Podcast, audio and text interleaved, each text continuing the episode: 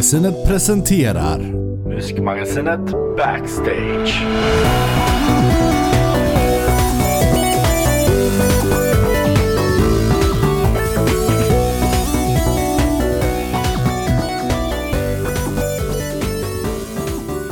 Hej och välkomna till Musikermagasinet Backstage, en helt ny podcast med förankring i tidningen Musikermagasinet, Nordens största tidning för musiker.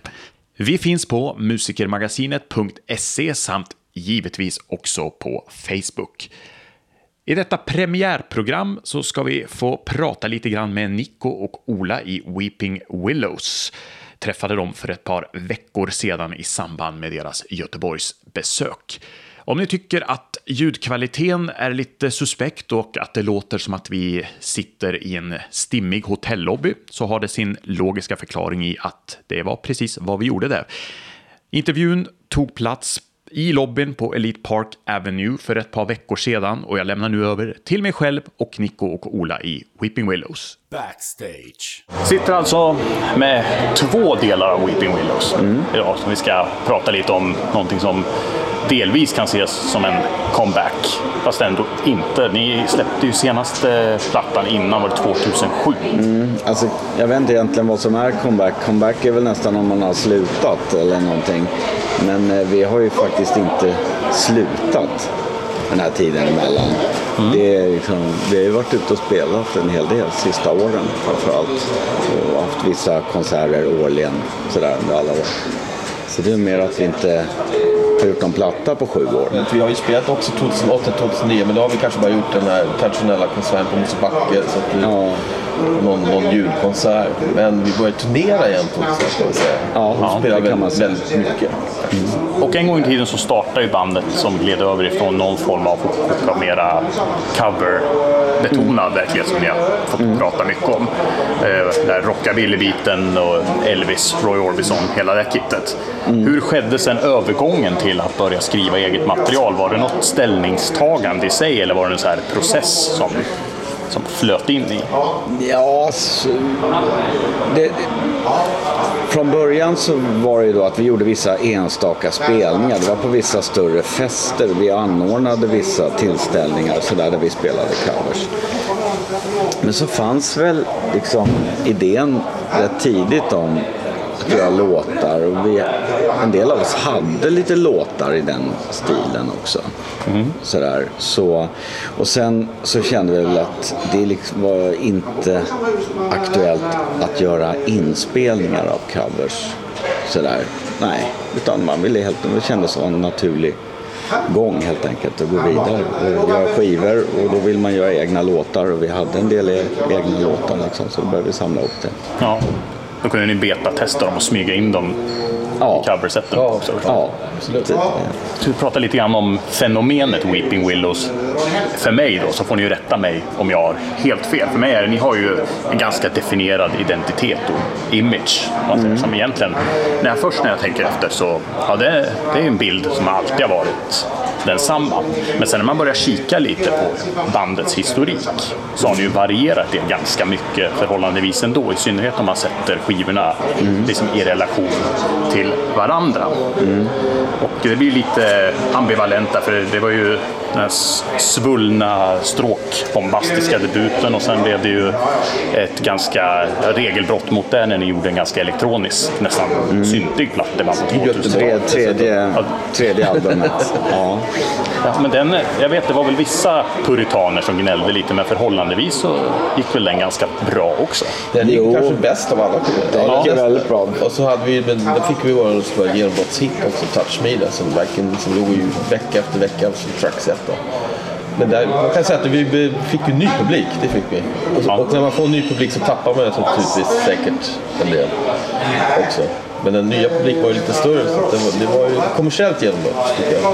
Det fanns rätt mycket publik som, var, som följde med också tror Ja, jag. jag, ja. Men sen så blev det väl av våran publik nu som har varit med hela från starten så är det kul för att det är ändå lite vattendelare. En del liksom gillar den här skivan väldigt mycket och en del gillar den första skivan mer. Alltså, det är ju lite så.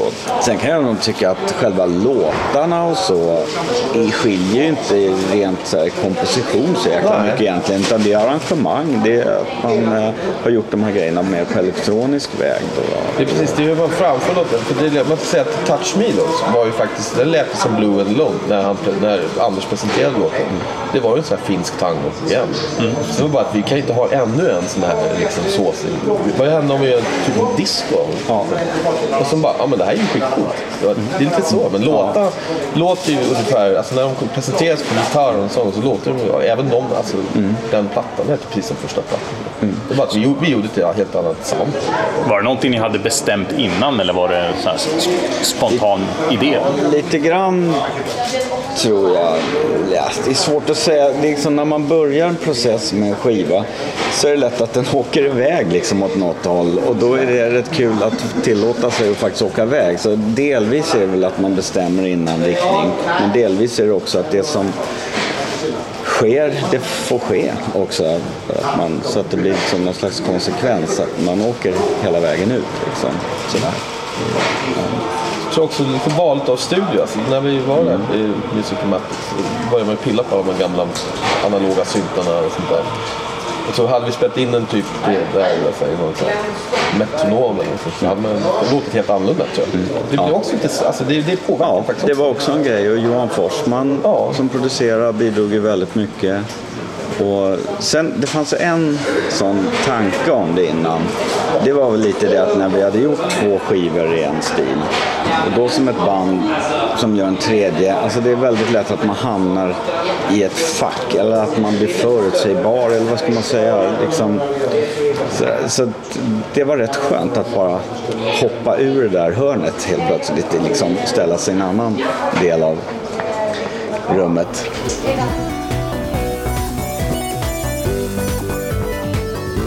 Ja, ni lyssnar på Musikermagasinet Backstage och vi är mitt i en intervju med eh, Weeping Willows, Ola och Nico där. Vi kopplar tillbaka till hotellobbyn där vi är mitt inne i en diskussion som rör skillnaden i soundet mellan deras olika plattor. Jag tänkte det, för sen på Fear and Love-plattan då skalade ni av faktiskt ännu mer än, alltså ni gick ju tillbaka till nästan mer avskalat än vad det Ja, var. och däremellan det som en fanns ju? Presence som var...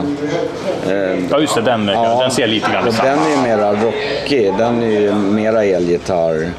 Och den framförallt lite poppigare. Det är lite kortare. Alltså det är inte liksom de här sticken och sånt där. Utan det är ju liksom en mer... Den, jag ser den lite grann i samma era som Into the Ja. Ja, Alltså, men kanske inte de- lika synt, men de, är sitter ganska med ihop moderna. med liksom Presence och Brockcomten, helt klart. De är lite med släkt. Men det är ofta så också andra skivan som blir på något sätt eko från första skivan. Fast börjar lite experimentera med lite andra grejer. Och så vart ju liksom Into Light, som Presence tar vid där med ytterligare ett steg. Ja. Och sen gjorde vi något, sen kom Love som vi tänkte, då nu har vi en platta där vi spelar bara inga liksom, vi tycker att vi överarbetar alla inspelningar ofta. Så lager på lager. Så tänkte jag, nu gör vi bara, vi lirar rakt upp och ner. Så man, hör, man hörde stora stråkar så långt, så gjorde, la vi inte på det. Nej. Utan nu kör vi, vi, tog till, vi tog till med in gästmusiker och spelade med oss live. Ja, det är nästan inga pålägg. Inga- Alltså, det är väldigt lite pålägg på den skivan. Vi spelade in det i replokalen och väldigt mycket så här. Så vi tog in folk som sagt helt enkelt när det behövdes en hand En extra till. gitarr. Men Martin Hedroth, spelar kan ni trehändigt? Ja, fyrhändigt på en låt. Var det inte trehändigt? Ja, tre-. Ja, En och en precis. till. För att liksom göra en tagning. Det, var, det var vårt mål med dem. Det måste vara en ganska utmaning om man tänker på de första skivorna, för där var det väl, ja, jag vågar inte ens tänka på hur många overdubs. Det nej, det, väldigt var, stort. nej, det, var, det- var, många den spår. Ja. Men vilket också gjorde att Fair Love var kanske den, det var den lättaste och de roligaste turnén att göra. För det var inte så mycket, när man ska ut och spela med som rockkonsulent så gäller det ju att lösa vissa Hur löser vi det här på fem pers när vi har 70 pers när vi spelar in det? Liksom. Fair Love var ganska lätt, var lite, allting var ju en klart på ett sätt. Det tänkte jag lite på då, när ni är ute och spelar nu. Ni har ju en eh, ganska diger backkatalog som är varierad i, om man ser rent arrangemangsmässigt. Gör ni omtolkningar då för nuvarande soundet eller? Ja, ja, det måste man ju göra. Och jag menar om vi har en symfoniorkester i studion som inte åker runt med den, då måste man Eller backing tracks och sådana saker? på något. Nej. nej, vi gjorde faktiskt det på en turné för många år sedan, men nej. Det var just det, inte det gör vi inte. Nej, det var, Då la vi lite grejer så här på backing tracks, men nej, det var det inte. rörde bara till sig. Och det underbara musikformatet, vad heter det? Minidisk. Ja, Dödens format. Alltså, det, kan man, det var ju inte helt problemfritt ibland. Vissa det hackade ihop sig. Det var inte riktigt vår grej. det här är ju musikermagasinet, då måste ni berätta om några fadäser. Ja, ja, men det gick ja. klockan. Ja, ja. Jag få Grönan så, så fick det någon sån här dropout. Fan, jävla skit. Ja, är. Bara, Men rent, rent tekniskt att synka mot en minidisk då? Eller, det är är ju svårt att ha en kanal med klick och en Ja, men med... han fick ju, trummisen fick ju den, eh, han körde med, med, med det? Hörlurar. Ja. Och han fick liksom styra. Så ni hade inga separat klickspår utan det var han hörde samma som... Fan, Vilka svåra frågor du kom med. Ja. Jag vet att han hade ett klick alltså. Det, jag vet inte. Man det kan var ju köra många låtar. Måste du ja. Man kan köra mono och få han startade och räknade in oss och sen liksom han höll oss. Och när det, var, när det droppade av så då var han ju helt lost. Alltså, alla, det bara föll ihop som ett korthus hela låten. Ja, det blev liksom någon idiotisk grej så här, för att om man spelar med sådana där grejer och så pajar det mitt under. Då helt plötsligt så glömmer man att man faktiskt är ett band som kan spela. Alltså förstår du? Helt plötsligt så har man hängt upp sig på en helt idiotisk liksom, istället för bara vi bara skiter i det och spelar på egentligen. Man har väl alltid löst situationer Ja, akut på scen som händer. Men just med det där blev det lite konstigt. Det där har jag hört från annat håll också, att om man är van vid att spela i säger, en riktig citationstecken då, som inte får technopuritanerna på sig, en eh, bandkonstellation, att det är ett svårare kliv nästan att gå till att jobba mot förprogrammerat än tvärtom många gånger. Ja, kanske. Yeah. Ja, jag tror det. Sen, jag, ja, alltså allt det där.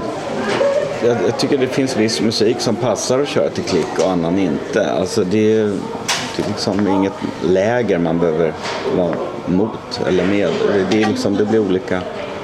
Det beror på vad man gör för musik helt enkelt. Ni la ju aldrig ner helt och hållet utan det var bara att ni inte gav ut skivor. Och sen eh, när ni kom igång nu och turnerade igen runt 2011 på allvar då, hade ni redan då plan av att det här kommer bli ny skiva eller någonting som föddes av att turnera?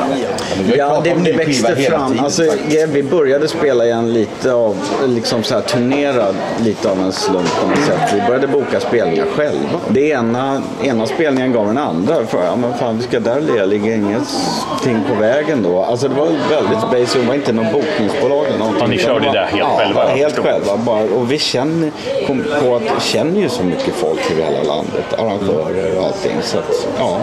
Men eh, De känner till oss. liksom- Det är mycket ja. lättare på något sätt. Ja, så att det bara blev så. Och anledningen till pausen var ju mycket att vi hade gjort andra grejer. Alltså vi måste ju synka ihop hela tiden när vi kan ifrån andra saker. Men Magnus var inne på att gjorde några sologrejer. Anders Härnestam spelade trummor. Han hade börjat trumma en del med Tåström och Winnerbäck. Och Nico har skrivit en massa musik Ja, till annat. musik, Och, ja, så jag har varit ute och spelat med, ja det är i och för sig på senare åren då, med Stefan Sundström och, och Winnerbäck också. Så att det blir mycket sådana där faktorer som gör också. Man måste liksom samla ihop sig. Men känns det då som att när ni går tillbaka till Weeping Willows att ni är tillbaka i, vad ska man säga, i, i hemtrakterna igen? ja, det, det är det ju mycket. Det är absolut. Ja. Vad är största skillnaden då när man är ute och spelar i andra konstellationer? Har man med sig en massa rutiner ifrån att vara i ett band som är så, en sån enhet som Willows är? Det får jag förmoda man har. Ja. Det, På gott och ont. nej, men det är väl bra med rutin. Ja, men Wills, det, det, är- skillnaden är ju att är man ute med ett annat band, då är man ju musiker. Alltså, då är man ju ja, anställd, vad säga. Men Weeping är ju, det är ju, Weeping är vi. Det är liksom vår grej som vi har byggt upp i 17 år. Så naturligtvis är det liksom med en större stolthet att få gå in i Weeping. För att vi spelar bara, bara vår musik. Vi har en historia ihop. Så det, det är klart det är skillnad.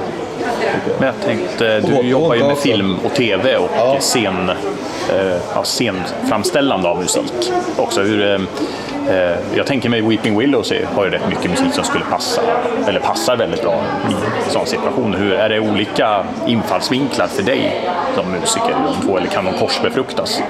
Naturligtvis korsbefruktas. Alltså, det, det är ju- de, de filmdrag vi har haft på Weeping Willows, de har jag med via mer kontakter. Till exempel. Man hör ju, det här skulle Weeping Willows faktiskt göra. Alltså, det är dumt att gå efter, över ån efter, vatten, vad heter det? liksom, men det finns absolut filmiskt. Och jag tar ju med mig grejer från Weeping till min filmmusik.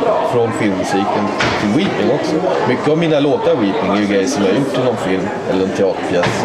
Så bara, det här är synd att den bara ligger i bakgrunden i två minuter för det är en kanonlåt. Kan vi göra en Weeping-låt? Såklart, det är ju verkligen korsbefruktat. Och hur ser processen ut då? Är det att ni tar upp idéerna och så jammar ni till dem eller brukar ni skicka runt dem och jobba på kammaren? Nej, vi brukar, jag, folk kommer med idéer och sen träffas vi och jammar runt skulle jag säga. Ja. Och sen, ja, sen hjälps vi åt göra klart låten. Och vissa kommer väl väldigt lösa det, vissa kommer, jag brukar komma ganska färdiga låtar. Och Anders kommer kanske med några ackord och så. Det är lite olika hur det ser ut faktiskt.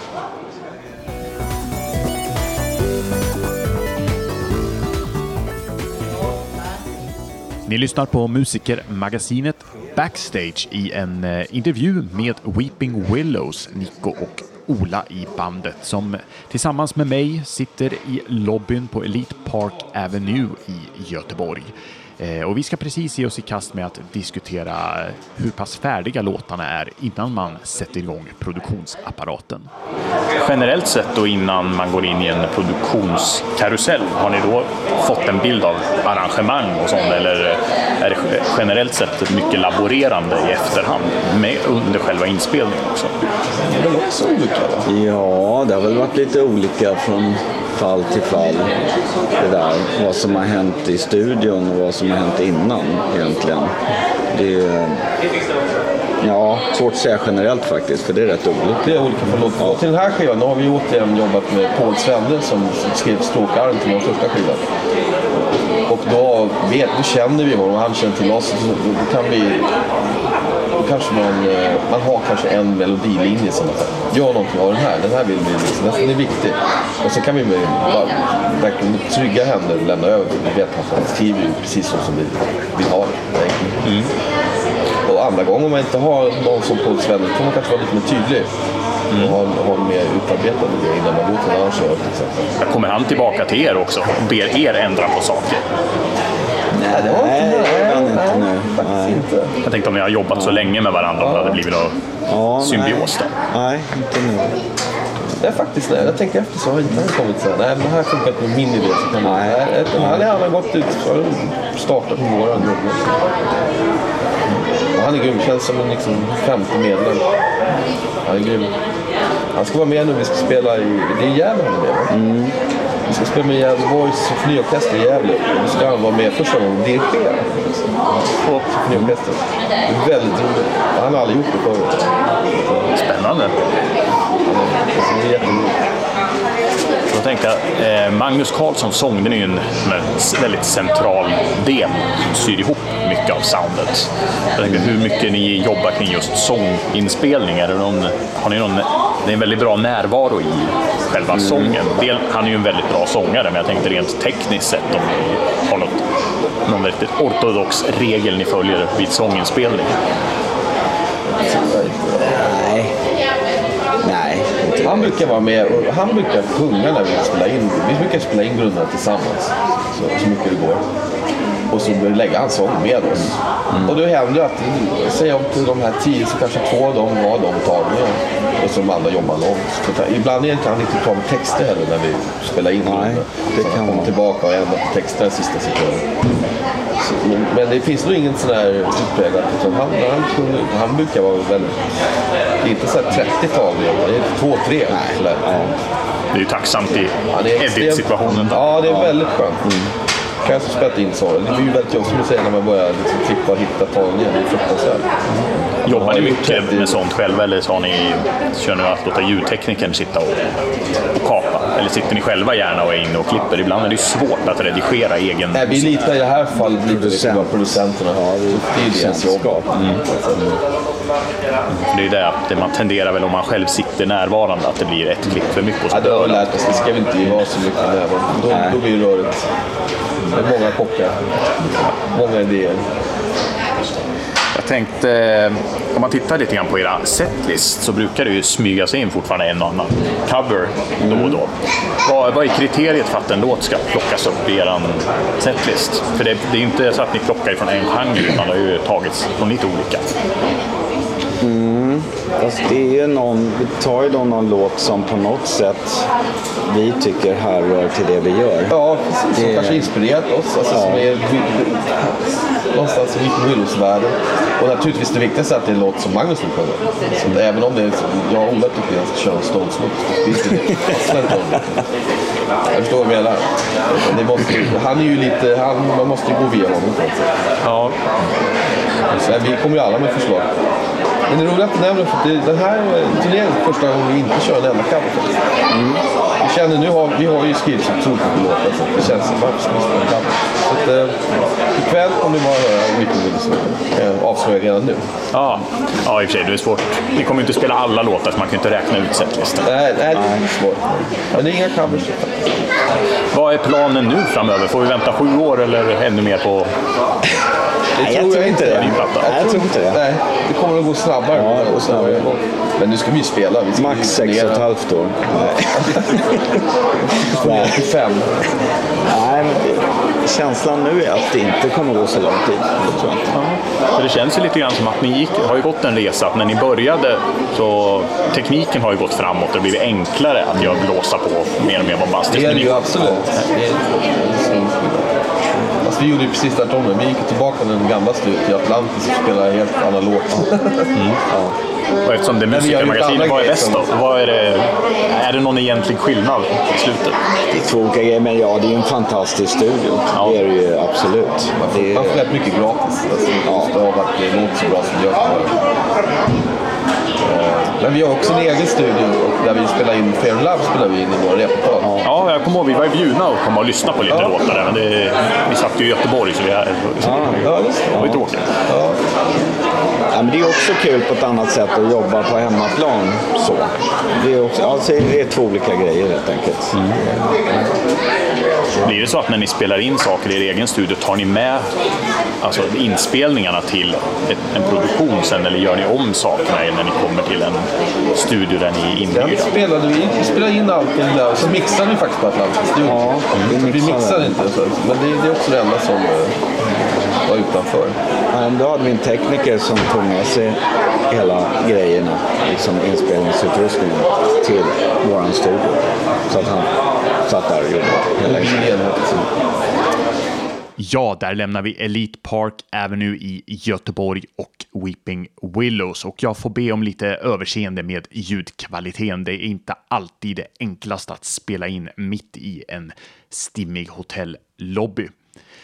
En avsevärt mycket tydligare version av den här intervjun, då i skriftlig form, kommer du hitta i kommande nummer av den tryckta tidningen av Musikermagasinet. Och på tal om den tryckta tidningen så har vi i senaste numret, det vill säga nummer 6 2014, en intervju med Motorboy där vi pratar en hel del om inspelningarna av hans senaste platta. Inspelningarna gjordes till stor del i Berlin i Birthmark-studion, så missa inte den. Jag kommer i kommande episod av Musikermagasinet Backstage ta ett snack med Oscar och följa upp lite vad som har hänt efter att skivan kommit ut och nu turnén har kickat igång. På återhörande säger jag och eh, får tacka för denna premiäromgång av Musikermagasinet Backstage.